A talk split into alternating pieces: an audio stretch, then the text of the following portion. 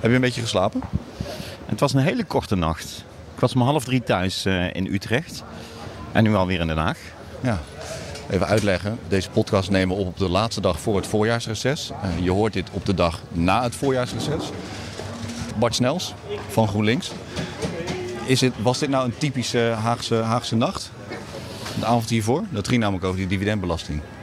Eh, Ja, dit soort nachten gebeuren wel vaker. Als er grote spannende debatten zijn, die duren lang. eh, En dat gaat tot diep in de nacht door. Soms.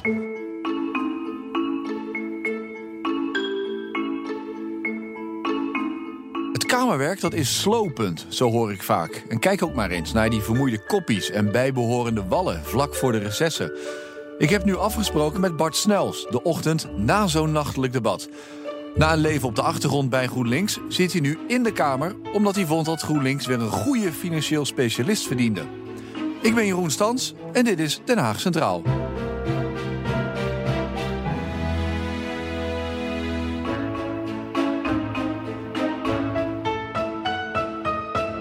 Maar als je om half drie s'nachts thuis was, kom je wel eens thuis? Ja, maar door de week is het wel vaak heel laat. Want je woont in Utrecht. Ik woon in Utrecht, ja. Heel af en toe blijf ik, eh, blijf ik hier slapen, neem ik een hotel.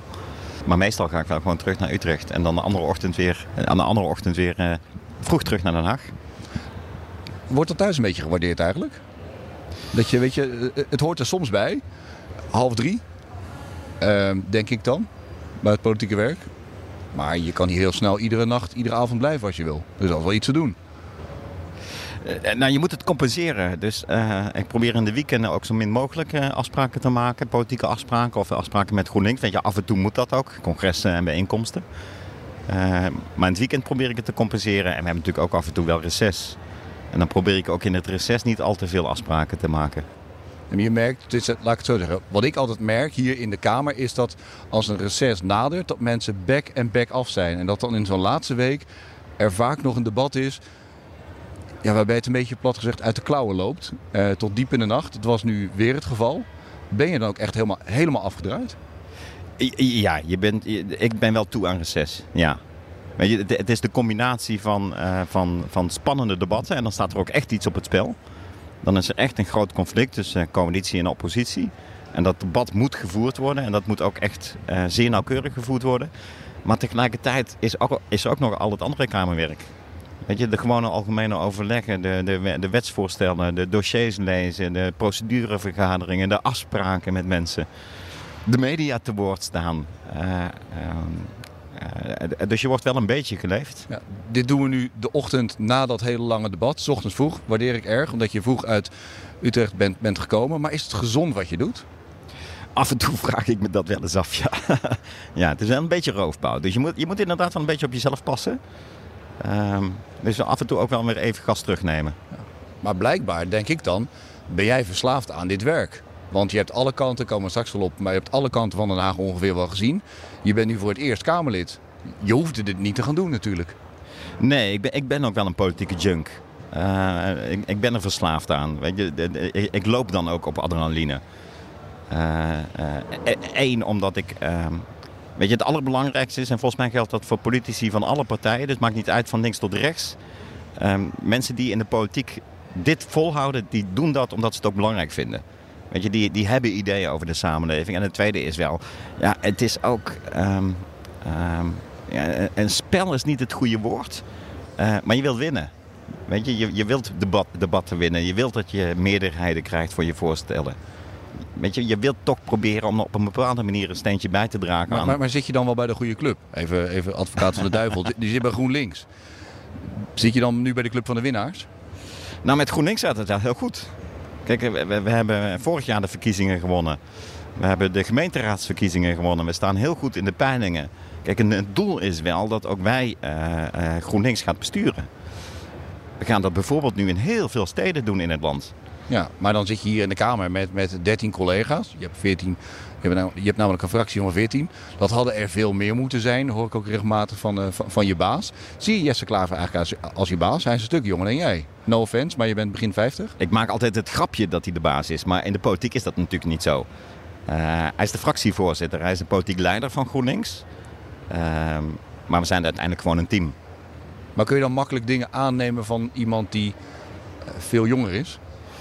Ja, mijn relatie met Jesse, ik, ik, ken hem al heel lang. Ik ken hem al van het, uh, van het moment dat hij nog uh, voorzitter was van de jongerenorganisatie van GroenLinks. En toen was ik directeur van het wetenschappelijk bureau. En toen kwam hij al heel vaak bij mij om een kamertje om over politiek te praten. En dat hebben we ook uh, vele uren gedaan. Dus ik ken hem al heel lang. Ehm, en de chemie tussen ons is goed. de discussies tussen ons die kunnen ook lekker fel zijn. En dan zijn we samen op zoek naar de, naar de beste route voor GroenLinks. Waar gaat zo'n discussie over dan? Kun je gewoon wat meer inzicht geven in waar dat dan over gaat? Weet je, niet obligate wat vinden we hiervan en moeten we hier een motie over indienen. Maar wat is nou een discussie waarvan je, waarvan je denkt, ja, maar dan kunnen we ook gewoon lijnrecht tegenover elkaar staan? Nou, het is niet zozeer dat we lijnrecht uh, tegenover elkaar staan. Maar zowel Jesse en ik heb het, ik heb het al vanaf het moment dat ik, uh, uh, dat ik wetenschapper was. En ik ben ooit ook nog gepromoveerd als econoom. Ik ben altijd boeken blijven lezen. Heel veel boeken en artikelen en tijdschriften, ook wetenschappelijke literatuur, omdat ik de wereld wil begrijpen. En dat heeft Jesse ook. Hoe ziet de wereld er nou eigenlijk uit? Wat betekent globalisering? Wat gaat er in Europa gebeuren? Hoe ziet het, zit het met de, de grote polarisatie in de politiek en de opkomst van het populisme? Over dat soort hele grote thema's hebben wij de neiging ook lekker te kunnen praten, te discussiëren. En wat is onze positie daarin? En hoe kunnen we dat veranderen? Dat, zijn, dat, is, dat, weet je, dat soort gesprekken kunnen wij voeren. Waar box je dan tegen elkaar op? Weet je, oh, heb je dit al gelezen? Ja, nee, ja, ja, maar ik vind echt dit, want... Nee, nee, het is ook elkaar literatuurtips geven. Boeken uitwisselen, uh, uh, artikelen uit, uh, uitwisselen. Of doorsturen en doormailen. Um, maar dat zeg maar, dat, dat de, de, de, hoe zit de wereld in elkaar? Of hoe zit de politiek in elkaar? En wat, wat is er aan de hand? En wat gebeurt er? Wat zijn de grote trends? Um, maar we kunnen ook hele technische discussies voeren. Over de vormgeving van het belastingstelsel bijvoorbeeld. Over hoe de, de zorg in elkaar zit. En hoe de financiële stromen lopen in, uh, in de zorg. En hoe vaak zie je dan mensen om je heen letterlijk afhaken? Dat, dat, dat die denken, oh, zijn die twee weer? Die hebben het over iets zo abstracts of zo gedetailleerd waar we heel weinig van snappen. Ja, dan, dan krijgen we de commentaars en zijn weer aan het nerden. Weet je, als we over cijfers en... Uh, of als we over batenlasten of over begrotingsstelsel uh, praten, die zijn weer aan het nerden. Ben je dan een beetje een nerd? Ja, het, is een, het is die gekke combinatie van. Uh, weet je, dat, dat is toch omdat ik ook econoom ben. willen begrijpen hoe, hoe de begroting in elkaar zit, hoe het belastingstelsel in elkaar zit. Wat ik ervan vind, wat ik eraan wil veranderen. Dat is een beetje nerdy. En tegelijkertijd gewoon de politieke en de filosofische en de sociologische literatuur lezen en daarover discussiëren en praten om te begrijpen hoe de wereld eigenlijk in elkaar zit. En die twee dingen moeten uiteindelijk een keer bij elkaar komen. Maar ben je dan altijd politicus als je daarmee bezig bent? Of, of is je leven zo vervlochten dat... Ik heb altijd een beetje een bloedhekel aan mensen die zeggen... Uh, kijk bijvoorbeeld naar Twitter. Ik uh, tweet op persoonlijke titel. Maar dan denk ik, je bent één en dezelfde persoon. Maar ben je... Je, redeneer je dan altijd als politicus? Of heb je gewoon als Bart Snels, die in het weekend ook wel eens gewoon thuis is... een hele andere opvatting over dingen? Nee, nee, ik heb geen, geen andere op. Volgens mij kun je niet politicus zijn en onrecht doen aan je opvattingen. Dat lijkt me heel lastig, maar volgens mij hou je het dan ook niet vol. Weet je, nee. je kunt niet, niet, niet met jezelf een spel spelen. Maar ben je dan heel veel eisend ook naar je omgeving toe? want zoals nu dan, dat je midden in de nacht thuis komt, vroeger weer weggaat. Het draait dan denk ik grotendeels wel om Bart Snels ook. Thuis bedoel je? Ja? Of u, misschien ook nog de wijder om, omtrek om je heen? Nee, volgens mij is dat niet zo. Want uh, uh, zeker mijn positie als financieel woordvoerder binnen de fractie is ook een hele dienstbare rol. Kijk, dit debat wat we gisteren hadden over de dividendbelasting is natuurlijk het onderwerp van de financiën woordvoerders. Maar dan is het echt chefzaggen. Dan is het, gaat het over de fractievoorzitters die debatteren met de premier. En dan ben je ook heel dienstbaar. Um, en als Jesse moet optreden in de media, weet je, dan, dan help ik hem daarbij uh, met voorbereiding. Of als hij grote speeches geeft, dan help ik hem ook nog steeds om, uh, om grote speeches te schrijven. Ja, heeft hij dan jouw handje nodig? Of hou jij hem dan aan zijn handje vast? Hoe is die verdeling dan? Het team. Dan, dan zijn we gewoon echt een team. En een vrij goed team. Werkt heel goed. Toch nog even terug naar wat ik dan net aanstipte. Waarom wilde jij dan zelf nog Kamerlid worden? Want het, het hoefde natuurlijk niet. Je zat op de achtergrond. Uh, je bent altijd wel aanwezig bij, bij GroenLinks. Maar waarom dan toch nog hier die drive om het Kamerwerk te gaan doen? Ehm, ik voel me in die dienstbare rol ook nog steeds wel een soort van adviseur uh, in, in, de fractie. Weet je, dat is ook de rol die, uh, die financieel woordvoerders ook spelen. Zorgen dat, dat andere Kamerleden uit de verf komen. Dat de voorstellen die zij doen ook financieel goed gedekt zijn. Dat ze degelijk zijn. Dus, dus je speelde ook een dienstbare rol binnen de fractie. Maar er waren twee redenen. Eén, ik vond dat GroenLinks weer ook echt een goede financieel woordvoerder nodig had. Mijn grote voorbeeld is toch Kees Vendrik. Um, uh, die wilde ook de wereld begrijpen. En die heeft heel langzaam maar zeker gezag opgebouwd binnen de Kamer. Zonder dat hij zelf nou heel veel in de media was. Weet je, die was ook de rechterhand van, uh, van Femke Halsema bijvoorbeeld. Um, dus dat is ook een hele dienstbare rol. En, en, en GroenLinks heeft het nodig dat we ook financieel degelijke posities kunnen innemen.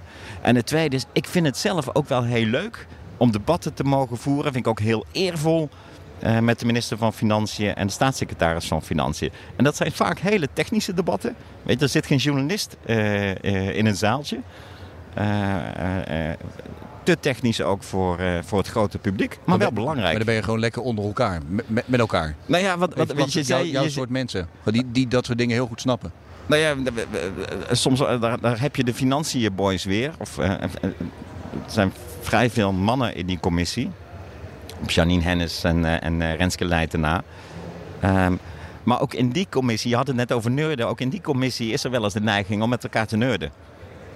Weet je, hoe, hoe, ziet, hoe zien de begrotingsregels er nou precies uit?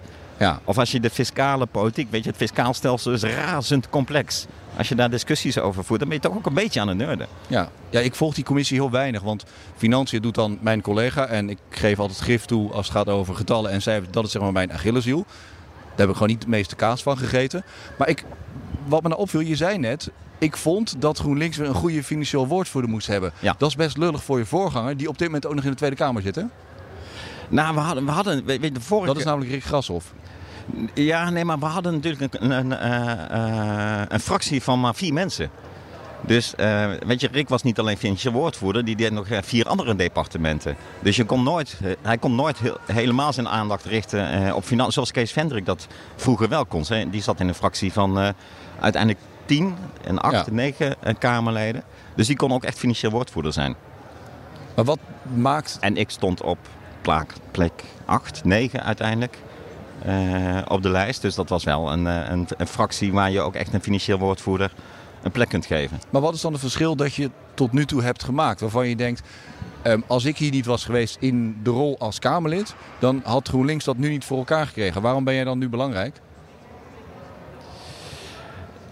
Nou, er zijn, er zijn heel veel uh, uh, financieel-economische debatten waar GroenLinks een belangrijke rol in speelt. Dat gaat bijvoorbeeld over de dividendbelasting. Ja, maar als je Kijk, zegt, zijn, ik, ik souffleer Jesse Klaver heel vaak, ja. dan had je dat er ook vanaf, vanaf de achtergrond nog kunnen doen. Had je dan per se in de Kamer moeten zitten hiervoor? Nee, het was niet per se nodig geweest. Weet je, ik, ik heb ook altijd gezegd, als, uh, als er een betere is, of die ook beter kan optreden in de media, of die nog slimmer is dan ik, of weet je, het, het ging niet per se om dat ik het dan zou moeten doen. Dan, als er een betere was geweest, was, had ik het ook goed gevonden. Uh, maar ik vind het wel heel leuk en heel eervol om het ook zelf te mogen doen. Moet je ook een beetje egoïstisch zijn om dit te doen? Je moet het naar jezelf toe willen trekken. Je hebt een belangrijke plek binnen, binnen GroenLinks. Nou ja, dat is, inderdaad, dat is inderdaad een beetje die, die, die spanning die er zit tussen uh, aan de ene kant dienstbaar zijn. En dat heb ik ook echt in mijn persoonlijkheid zitten. En aan de andere kant ook wel voldoende ambitie hebben. Ook de, je, de drive hebben om het ook zelf te kunnen doen. Dus die, die, die beide polen heb ik. Maar sta je dan heel graag in de spotlight? Of denk je, laat Jesse Klaver daar staan, ik, sta, ik gedij iets beter net erachter? Daar staat Jesse Klaver en sommige andere Kamerleden. De, in die spotlight hoef ik niet per se te staan, nee. Nee, maar kijk, het formele antwoord is natuurlijk, ja, daar staat Jesse Klaver, want hij is de baas. Maar zie, sta je zelf graag in het middelpunt van de aandacht? Nee, niet per se. Um, kijk, ik, ik zie uh, heel veel uh, Kamercollega's uh, van, van alle fracties heel veel moeite doen om voortdurend in de media te zijn met allerlei, vooral ook dingetjes, kleine dingetjes. Dat heb ik helemaal niet. Um, kijk, als, als BNR mij wel eens belt om uh, s ochtends vroeg uh, uh, een radiodingetje te doen, radio-interviewtje kort, meestal doe ik dat niet. Ik, dat vind ik, dat hoeft niet per se. Ik hoef niet per se in de media te komen. Ik vind gewoon dat ik heel langzaam maar zeker gezag moet opbouwen in de, in de commissie Financiën en in de Tweede Kamer. Veel belangrijker voor GroenLinks. En GroenLinks heeft wel andere woordvoerders die, uh, die de rol naar buiten toe spelen. En dat is Jesse en dat is Katelijne uh, Buitenweg bijvoorbeeld. Bram van Ooy, ik vind het ook altijd geweldig en mooi en goed om naar te luisteren. Uh, op televisie bijvoorbeeld. Dat, dat, dat, is niet mijn sterkste punt. Hoe was jouw diensttijd eigenlijk? Mijn diensttijd? Ja. Ik, uh, ik, ik zat in de... In de... Daar las ik namelijk iets aardigs over. Ik, bedoel, ik heb dienst geweigerd. Ja, je was een weigeraar. Ja, dat was een van de laatste jaren dat de dienstplicht nog bestond. He, dus dat je echt ook uh, het leger in moest. Ik heb het niet meer gedaan. Uh, ik ben 38, ik heb wel eens een oproep gekregen dat je tot je 45ste geloof ik beschikbaar moet blijven. Ja, zeker. Hij is opgeschort. Hij ja. is niet afgeschaft. Nee. Ja. Nee, ik heb geweigerd. Uh, dat was in 1990, 91 denk ik. Hij bestond nog net. weet je, de Koude Oorlog was nog maar net voorbij. En ik had er grote moeite mee om het leger in te gaan. Weet je, met het idee dat je opdracht moet aannemen om te kunnen schieten op mensen. Weet je, daar gaat het uiteindelijk om. Als je soldaat wordt, moet je dat kunnen doen. En dat zag ik mezelf niet doen. Weet je, daar was ik ook iets te, eigenwijs voor, zal ik maar zeggen. Um, en toen heb ik dienst geweigerd.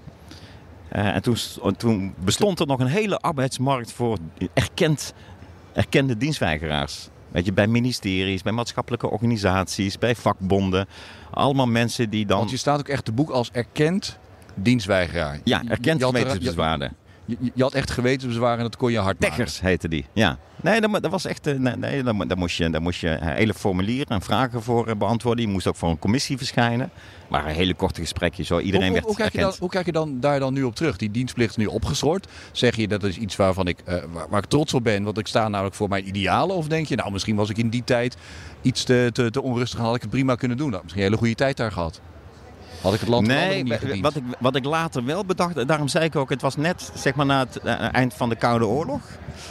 Um, uh, maar na de val van de muur uh, en na de, na de, na, zeg maar de grote globale veranderingen in de wereld, waar we ook steeds meer ook vredesmissies zijn gaan uitvoeren, jo Joegoslavië, heb ik me wel eens afgevraagd, zou ik weer weigeren? Um, en, dat was, een, nu? Nou ja, dat was een beetje een retorische vraag. Ik denk, denk niet dat Stel, ik... je bent nu 18 en je wordt opgeroepen. Ja, ik weet niet of ik weer zou weigeren. Weet je, want ik vind het ook wel belangrijk dat... Uh, uh, weet je, ik ben geen pacifist in die zin. Uh, ik vind het wel belangrijk dat er een leger is. En dat, er, dat defensie hier is. Maar ook dat we een rol kunnen spelen in de wereld. En dat we ook kunnen zorgen samen. En daar heb je ook defensiemacht voor nodig. Uh, crisissen kunnen oplossen of voorkomen. Dus ik weet niet of ik het op dit moment weer zou doen. En dat is een beetje een retorische vraag. Ik denk dat ik het niet zou doen. Toch uiteindelijk niet? Dat ik niet weer opnieuw dienst zou, weigeren, denk ik. Nee. Oké, dus dat je het nu wel zou doen? Ja. ja. ja. Maar is dat dan ook omdat dan wijsheid komt met de jaren? Is dat zo'n zo heerlijke uitdrukking? Of omdat je hier nu... Nee, de wereld is veranderd. Weet je, de jaren tachtig was nog echt het Oostblok tegenover, uh, tegenover Amerika. Ja.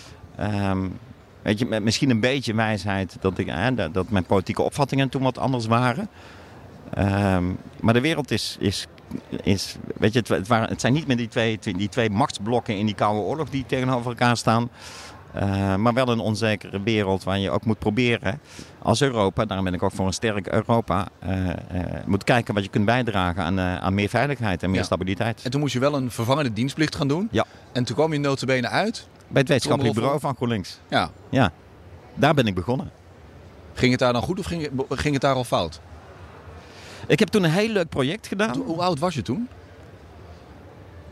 Uh, 18 denk ik? Of was nee, ouder? nee, nee. Het was na mijn studie. Dat was na mijn studie economie. Dus ik was afgestudeerd in, uh, in Tilburg als econoom. Dus ik denk dat ik 4, 25 was. Want ik heb zeven jaar gestudeerd. Ik had eerst nog een jaar planologie gedaan in Nijmegen. Dat vond ik niks. En toen ben ik, heb ik zes jaar economie gestudeerd. Maar dan zit je nu, nu al bijna meer dan de helft van je leven bij deze club? Nee, want ik heb ook andere dingen gedaan. Ik heb, uh, dat was ruim een jaar uh, bij het wetenschappelijk bureau gewerkt. Daarna ben ik teruggegaan naar de universiteit. Uh, en heb ik een proefschrift geschreven. Drie jaar aan de universiteit gezeten. Daarna wel weer terug naar GroenLinks. als beleidsmedewerker bij de Tweede Kamerfractie. Vervolgens naar het ministerie van Financiën. Daar heb ik gewerkt, een paar jaar. Ik ben ook journalist geweest. Bij Buitenhof? Bij Buitenhof heb ik gewerkt. Klopt dat vooroordeel toch, van het hele linkse Buitenhof dus? Nee, zo, zo links is Buitenhof niet. Nee? Nee. Nee. Ja, die, die- hier kan je dat gewoon zeggen. Altijd met, een glim- met een glimlach natuurlijk, omdat hij hier altijd de ronde doet van die linkse journalisten. Ja, maar Buitenhof vind ik zeker niet links. Weet je, bij Buitenhof krijgt, eh, krijgen ook rechtse politici en ook, eh, ook, ook politici van wat kleinere groeperingen eh, wel veel eh, spreektijd en kansen. Maar toen was je toch ook al woordvoerder geweest? Bij GroenLinks? buiten- ja. ja de- toen was ik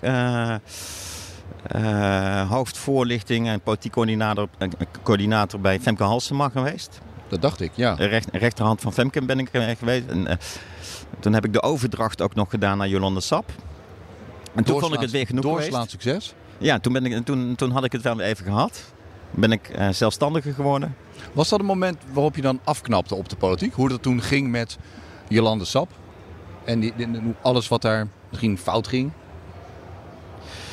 Ja, dat was een lastige periode. En dit, het is dan ook lastig, weet je, dan kijk je ook naar je eigen functioneren. Ehm, en ik kon niet effectief meer zijn. Je, je, je ziet dat zo'n fractie niet meer eh, echt goed met elkaar kan samenwerken. Eh, je, je, eh, het lukt niet om dat eh, beter te krijgen.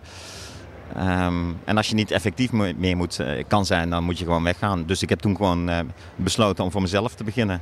En toen eh, ben ik twee jaar eh, eh, geweest. Gepubliceerd, boeken gemaakt. Onder andere het boek van Alexander Pechtold heb ik toen eh, kom- mee helpen schrijven. Kom ik zo nog even op. Ik kon nog even bij Jolande Ja. Sap blijven en bij Femke Halsema. Ehm, Jolande Sap, ik werkte hier toen nog niet op het Binnenhof. Ehm, ik denk dat heel veel mensen Jolande Sap alleen nog maar kennen van die stekker. Ja, Was je er toen nog of niet? nee, toen was ik al weg. Dat was niet jouw, eh, jouw Nee, nee, nee, nee, nee, nee. Ik zag het gebeuren en dacht, hoe, hoe kan ze dat doen? Ja, was niet slim. Je was er wel bij Femke Halsema. Ja. We hebben natuurlijk dat, dat boek. Ik denk heel veel mensen hebben dat boek gelezen van Halsema, Plus. Ja. Staat er alles in eh, dat we moeten weten? Of zijn er denken, dingen die vanuit jouw perspectief toch anders zijn? Ik vond het wel een heel eerlijk boek. Ehm, kijk, er- zijn wel veel politici die politieke boeken schrijven, maar dit was ook wel een, een, heel eerlijk boek. Want ze, ze, in dat boek is ze ook kritisch eh, op zichzelf. En dat vond ik wel mooi. Ehm, weet je, het is ook moeilijk om politicus, een politicus te zijn. Het is ook moeilijk, zeker voor de, voor de echte toppolitici. En daar was Femke er toen eh, natuurlijk een van. De fractievoorzitters, de lijsttrekkers. Om voortdurend in, eh, in, het, in het middelpunt van de belangstelling te zijn. En voortdurend te moeten bedenken wat je nou weer vindt. Wat voor bananenschillen er op, eh, op je pad kunnen komen. Voortdurend alert moeten zijn. Ehm, ik, vond, ik vond het een mooi boek. Maar jij, ja, dat je het een mooi boek vond, dat, dat Ja. kan ik begrijpen. Dus, dus je, je Ja. hebt voor haar gewerkt Ja. ehm, als woordvoerder, hoofdcommunicatie. Maar je draait dus de hele tijd om Halsema heen. Ja. Kun je dan je eigen ei kwijt? Ja, ook met Femke had ik wel eh, een, een soort van relatie die ik ook nu met Jesse heb. Eh, ook, je, ook, ook Femke is, is ze- was toen als politicus, maar dat is ze nog steeds. Ze schrijft natuurlijk ook nog steeds boeken. Eh, geïnteresseerd in de wereld en in, in boeken lezen en in proberen de wereld te begrijpen. Dus Nee, maar dat was in mijn optiek als wel een vrij dominant persoon. Bedoel, iedereen wist wie Femke Halsema ja, was. En alles stond ook in het teken van Femke Halsema. Ja. Je bent dan haar woordvoerder. Je hebt zelf je, je dromen en ambities. Je bent niet voor niks weer telkens teruggekomen bij, bij de Ja. club. Kun je dan je eigen ei kwijt? En kun je dan jouw eigen ambities en idealen nastreven? Ja, want ook Femke heb ik, eh, heb ik altijd geholpen bij, eh, bij, eh, bij de voorbereiding van debatten, bij voorbereiding van, van optredens, bij het nadenken over de, over, de, over, de, over de lezingen, artikelen, de boeken die ze schreef. Daar hielp ik haar ook bij. Ehm, en dat was, weet je, dat was ook een soort samenwerking zoals ik die nu met, met Jesse ook heb. Dan ben je dienstbaar. Maar dan kan ik er ook van genieten. En dat, dat het zowel met, met Jesse als met Femke, dat die, dat die staan te schitteren. Dat is mooi om te zien. Is het dan heel anders? Hoe kun je bij eh, Jesse Klaver dan meer jezelf zijn of minder dan bij Halsema? Er zit natuurlijk wel een, een, een bepaalde periode tussen. Je bent zelf ook ouder geworden. Eh, misschien anders over dingen gaan denken.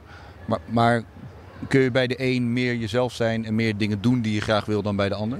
Nee, dat maakt geen verschil. Weet je, ik, ik denk dat ze, zij mij allebei eh, maar een eigenwijs mannetje vinden. Weet je, altijd vragen stellen, altijd ook eh, eh, tegenargumenten verzinnen.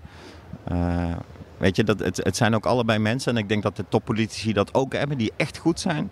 Dat ze ook mensen om zich heen eh, verzamelen die niet alleen maar ja knikken, maar die ook nee zeggen. Een goed, En die een ook goed af en toe- politicus kan niet zonder Bart Snels. nou, types als mij, die, die, die, die, die, ehm, die kritisch durven te zijn. Die tegen durven te spreken. Maar wat is dan het laatste dat je tegen Jesse Klaver hebt gezegd waar hij totaal niet mee eens was, maar wa- waarvan jij dacht, ja gast, dit moet je echt weten, want je klets maar wat? Ja, maar, dat, nee, maar zo zeg je het verkeerd. Ehm, weet je, je klets maar wat. Dat, dat, zo werkt het natuurlijk niet. Oké, even Eh. eh, eh, minder aangedikt dan, maar waarvan je, ehm, een moment waarvan je denkt, nu moet ik hem tegenspreken. Ja, dat ga ik niet zo, eh, zo, zo zeggen. Weet je, dat is ook, de, dat is ook eh, het geheim van de, van de adviseur. En Nou ja, daar ben ik, ben ik toch wel benieuwd naar. Ik bedoel, eh, je, je zegt, weet je, je moet tegenspraak creëren. Ja. Je, hebt mensen zoals, zoals ik nodig. ja. Maar waaruit blijkt dat dan? Je kunt gewoon een voorbeeld geven van wat het dan is wanneer je moet tegenspreken. Nou ja, dat, dat, dat gaat over op, eh, op heel veel eh, verschillende manieren. Maar kun je, kun, je gewoon een concreet voorbeeld noemen eh, waarvan je denkt, ja, dat moment moest ik even ehm, ehm, hem stoppen of, of even iets ergens op wijzen. Eh, nou, we hebben wel eens. ehm, toen, we, toen we het verkiezingsprogramma aan het schrijven waren voor de vorige Tweede Kamerverkiezingen. Eh, en toen hebben we wel eens een keertje flink geclashed. Omdat ik vond dat het verkiezingsprogramma onsamenhangend werd. En veel te dik, veel te de- gedetailleerd. Ehm, eh, en toen vond ik echt dat ik, eh, dat ik op de rem moest gaan staan en moest zeggen: dit kunnen we zo niet publiceren. Dit is geen verkiezingsprogramma. Dit moeten we echt anders gaan aanpakken. En Is dat dan gelukt? Dat is gelukt, ja. ja. Dat, dat, dat is beter geworden dan als ik me er niet mee bemoeid had. Waar lezen we dan het Bart Snels stempel in, in dat verkiezingsprogramma? Ja, ik ben ook altijd schrijver geweest en gebleven. Eh, dus ik heb ook voor een groot deel eh, de pen gehanteerd uiteindelijk. Eh, dus wel in opdracht en in samenwerking met, met de mensen die erover gaan. De commissie die, het programma schreef. Ehm, eh, maar het belangrijkste wat ik dan doe is schrappen. Grote verhalen schrappen. Of tientallen extra maatregelen schrappen.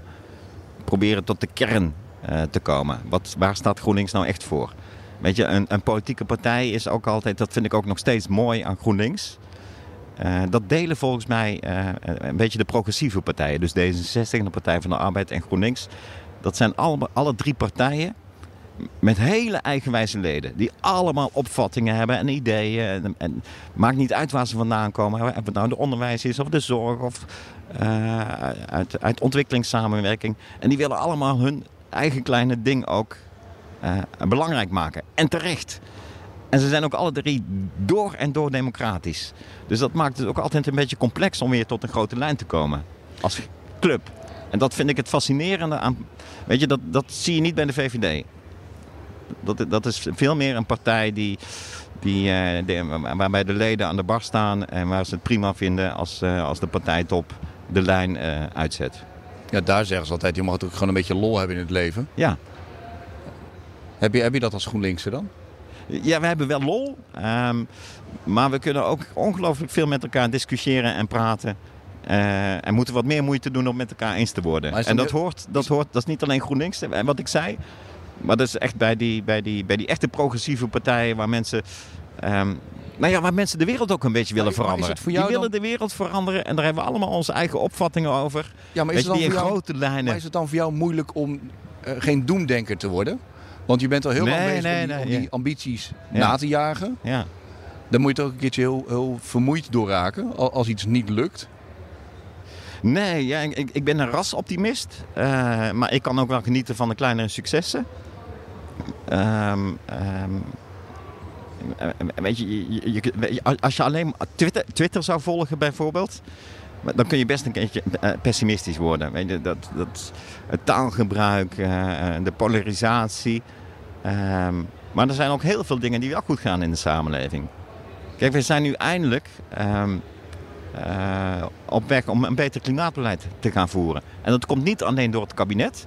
Dat komt ook door bedrijven, door organisaties, door, eh, door energiecoöperatie. Er zit heel veel ehm, eh, veranderingsgezindheid in de samenleving zelf. En daar kan ik wel blij en optimistisch van worden. Je had het net over progressieve partijen. Toen noemde je ook D66. Hoe kwam je daar eigenlijk terecht? Want da- daar ben je ook beland bij die partij. Ben, ben je trouwens ook nog lid geweest? Dat je, Ik was heel kort, ik was heel kort dubbellid. Heel kort.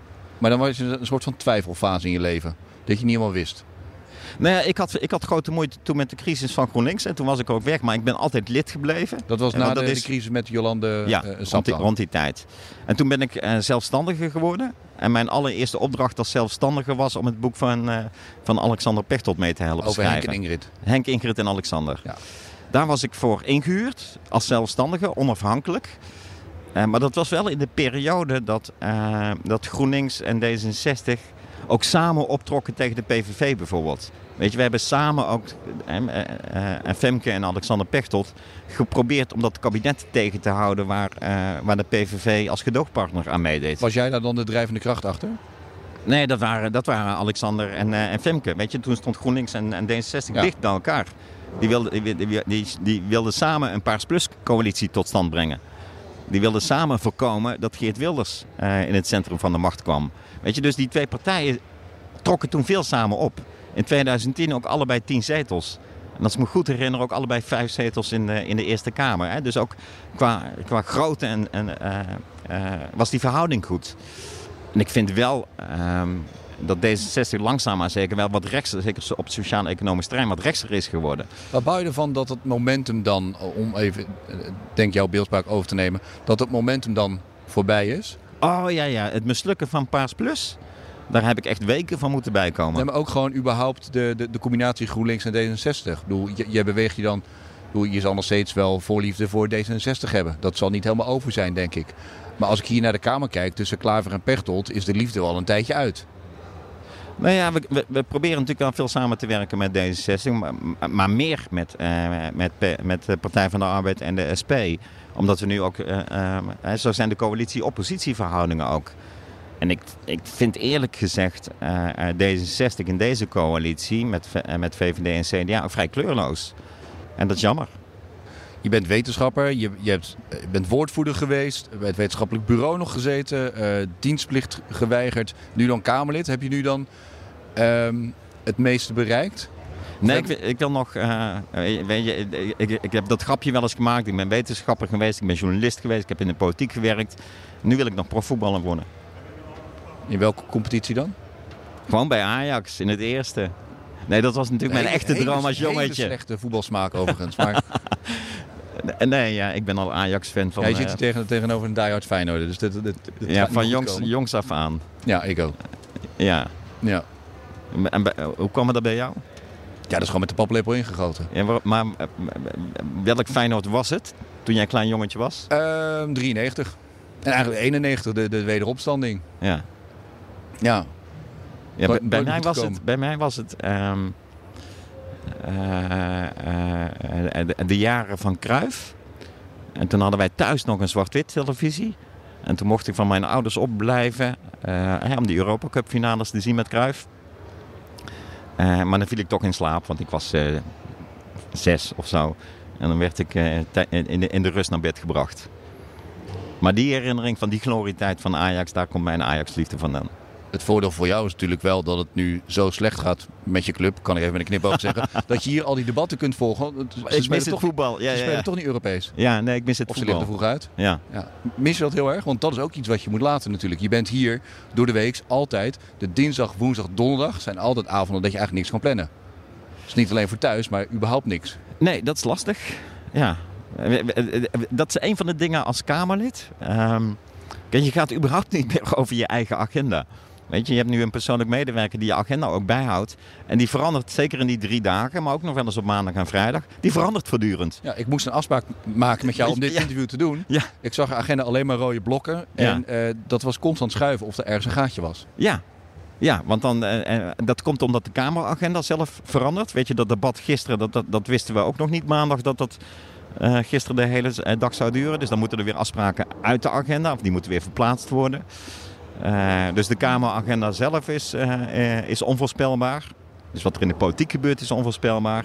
En alle afspraken die je hebt, moeten zich daar ook aanpassen. Dus wie- Stemmingen, ook heel belangrijk. Je moet hier zijn voor de stemmingen. En de- je kan zomaar ineens extra stemmingen krijgen. Ja.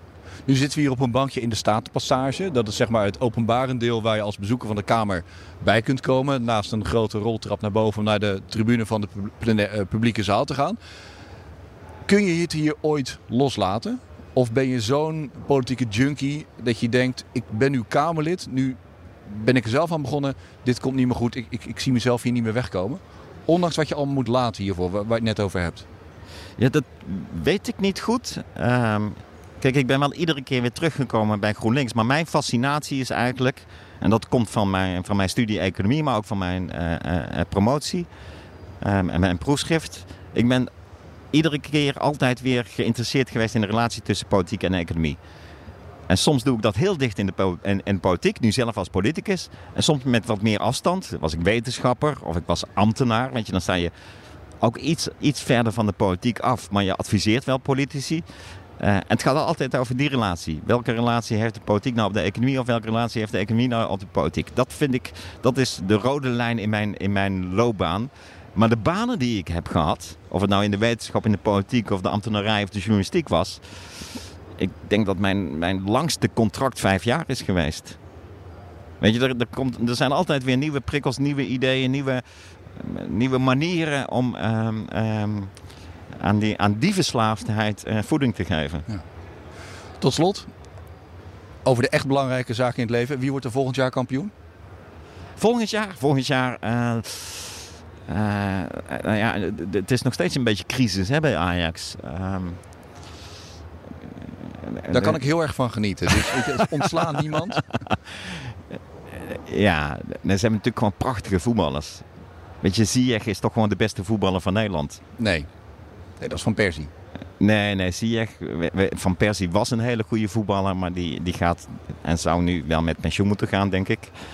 Eh, Daar heb ik ook altijd erg van genoten. Maar Ziyech is de beste voetballer van Nederland. Eh, en ik hoop dat hij met alle kritiek die hij vaak krijgt, eh, Ajax volgend jaar kampioen maakt. Heet dat wishful thinking, denk je, of niet? Ja, jij vraagt om een voorspelling. Weet je, dan, dan kun je niet anders dan aan doen. la- laat ik hem omdraaien. Waarin ben je beter? Politieke voorspellingen of voetbalvoorspellingen? Ja, voorspellen is, dat zeggen economen ook altijd, voorspellen is, is, is moeilijk, vooral omdat het over de toekomst gaat. Ehm, eh, kijk, als je, als je naar de verhoudingen kijkt nu, staat PSV er het beste voor. De organisatie klopt, de- het team deugt, eh, begroting is op orde. Weet je, voor Feyenoord zal het echt wel lastig blijven. Weet je, ik, ik, ik, heb echt ook Daar kunnen... zijn we aan gewend. Echt. Ge- Geen enkel ik heb ook echt kunnen genieten hoor, van het kampioenschap vorig jaar van Feyenoord. Weet je, ik, ik, ik kan ook erg voor de underdog zijn. En dan is het ook fijn als de underdog zoals Feyenoord toch is, al die decennia lang, dat ze er af en toe een keertje bovenuit steken en toch kunnen winnen. Ik geloof dat we het meest allergisch zijn voor dit soort complimenten. Maar ik, ik accepteer hem dan maar. Dankjewel. Alsjeblieft. En dit was Den Haag Centraal met een klein snufje voetbal. Dank weer voor het luisteren. En als je commentaar kwijt wil, je kunt me natuurlijk bereiken op stans.bnr.nl en Jeroen Stans op Twitter. Tot volgende week. En bij wie ik dan langs ga?